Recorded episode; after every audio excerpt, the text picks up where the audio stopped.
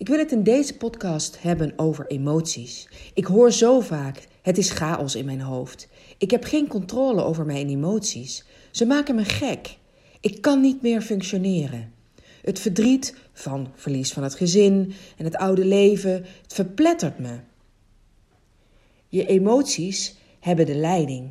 Gedachten schieten alle kanten uit. Het kost veel energie. Beslissingen nemen en keuzes maken is bijna onmogelijk. Emoties verdoven. Stel dat je ze nou eens anders inzet. Dat emoties je kracht gaan geven. Ik lees regelmatig boeken om uh, zelf te groeien en uh, herkenning te vinden en uh, mijn programma uit te kunnen breiden.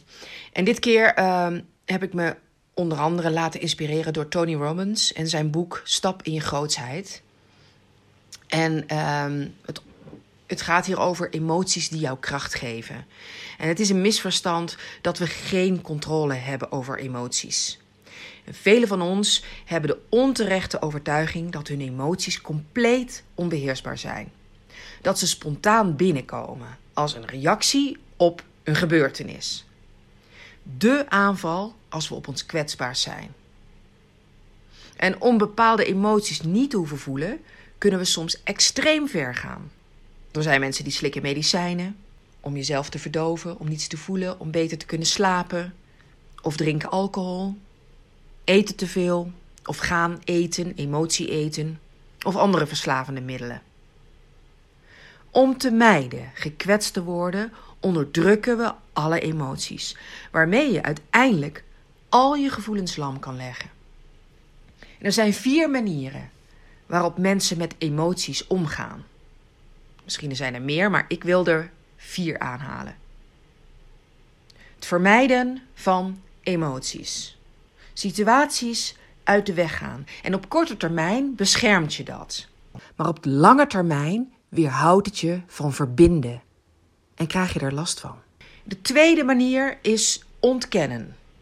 Een emotie ervaren en net doen alsof deze er niet is je gaat afleiding zoeken. Dus in plaats van te gaan zitten en die emotie te voelen, ga je bepaalde activiteiten doen, klusjes in huis.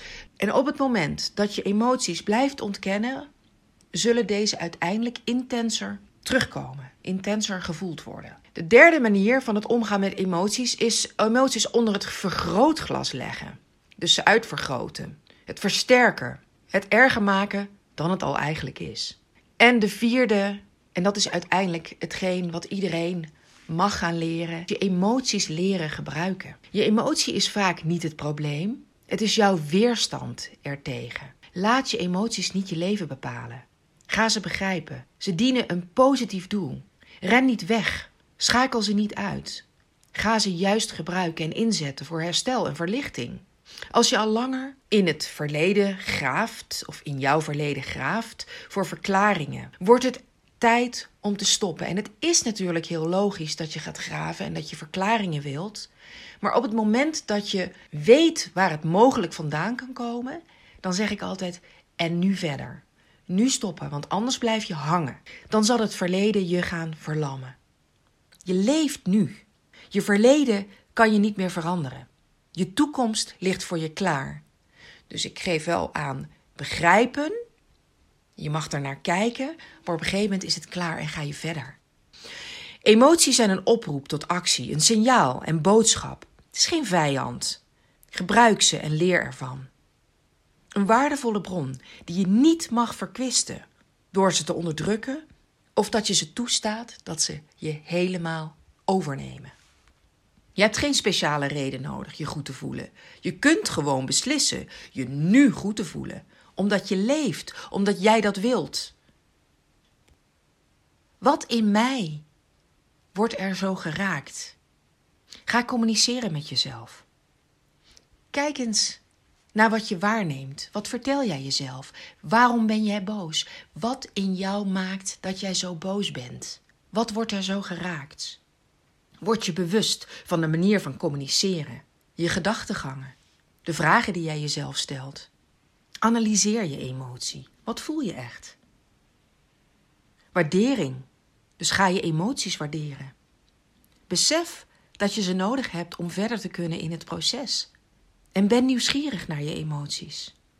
Ga eens onderzoeken welke boodschap zij mogelijk aan jou willen geven. Zelfverzekerd zijn. Want ja, op een dieptepunt ben je uit het veld geslagen. Door, door emoties meestal. Je kan soms zo diep zitten dat je eigenlijk helemaal niet weet wat er überhaupt nog in jezelf, in je hoofd gebeurt, in je lijf. En welke emoties er bij jou spelen. Misschien is het wel alles tegelijk. Maar ga jezelf overtuigen dat het oké is. En dat ze er mogen zijn. Ben zacht voor jezelf. En de belangrijkste vraag, eigenlijk bij alles, op het moment dat jij geraakt wordt. Wat in mij maakt dat ik zo verdrietig ben? Wat in mij gaat er zo aan als ik boos ben? Je beslissingen, niet je omstandigheden, bepalen je toekomst. Binnenkort vindt er weer de live dag plaats. Het ontmoeten van vrouwen uh, die een scheidingsproces hebben doorleefd of hier nog middenin zitten. Je ziet heel vaak dat ze elkaar, door te luisteren, door met elkaar te zijn, emotioneel, ze voelen zich emotioneel gesteund. Ze kunnen hun voordelen doen met praktische tips, ervaring uitwisselen of horen wat je nog mogelijk te wachten staat. En wat ik ook heel mooi vond, vind om te zien altijd, is dat je denkt dat je door nog heel diep zit, maar door naar anderen te luisteren, dat je in één keer tot de conclusie komt: hé, hey, ik ben eigenlijk al best heel goed op weg. En dat geeft je een hele fijne bevestiging. Contact met lotgenoten helpt je te reflecteren, je eigen ervaring delen, je strategieën, hoe om te gaan met ingrijpende veranderingen. Lotgenotencontact heeft een bewezen effectief en positief effect. Er is veel onderzoek gedaan en daaruit komen vooral positieve gevolgen. En ik geloof daar ook in, anders zou ik deze dagen natuurlijk niet organiseren. En mocht je daar interesse in hebben, laat het me weten. Je kan mij een mail sturen, kara.karakers.nl of kijk even op Instagram of mijn website, karakers.nl. Ehm, daar staat ook alle, informatie onder uh, live dag wil je van harte uitnodigen. Je bent hartstikke welkom. En ik wil het uh, hierbij laten. Ik wens je een ontzettend fijn paasweekend. Ondanks de situatie waar jij mogelijk in zit op dit moment, probeer in ieder geval van één ding te genieten. Elke dag. En leg daar je focus op. Fijne dag verder. Heel fijn dat je luisterde naar deze nieuwe aflevering. Ben je geïnspireerd geraakt en vind jij het ook zo belangrijk dat anderen zich gesteund voelen door deze verhalen? zich erin herkennen? Ja, want je bent niet de enige. Laat dan een review achter in bijvoorbeeld iTunes. Of deel het door middel van een screenshot op Instagram of Facebook. Daarmee help je mij, maar vooral anderen. Dank je wel voor het luisteren. Tot in de volgende aflevering.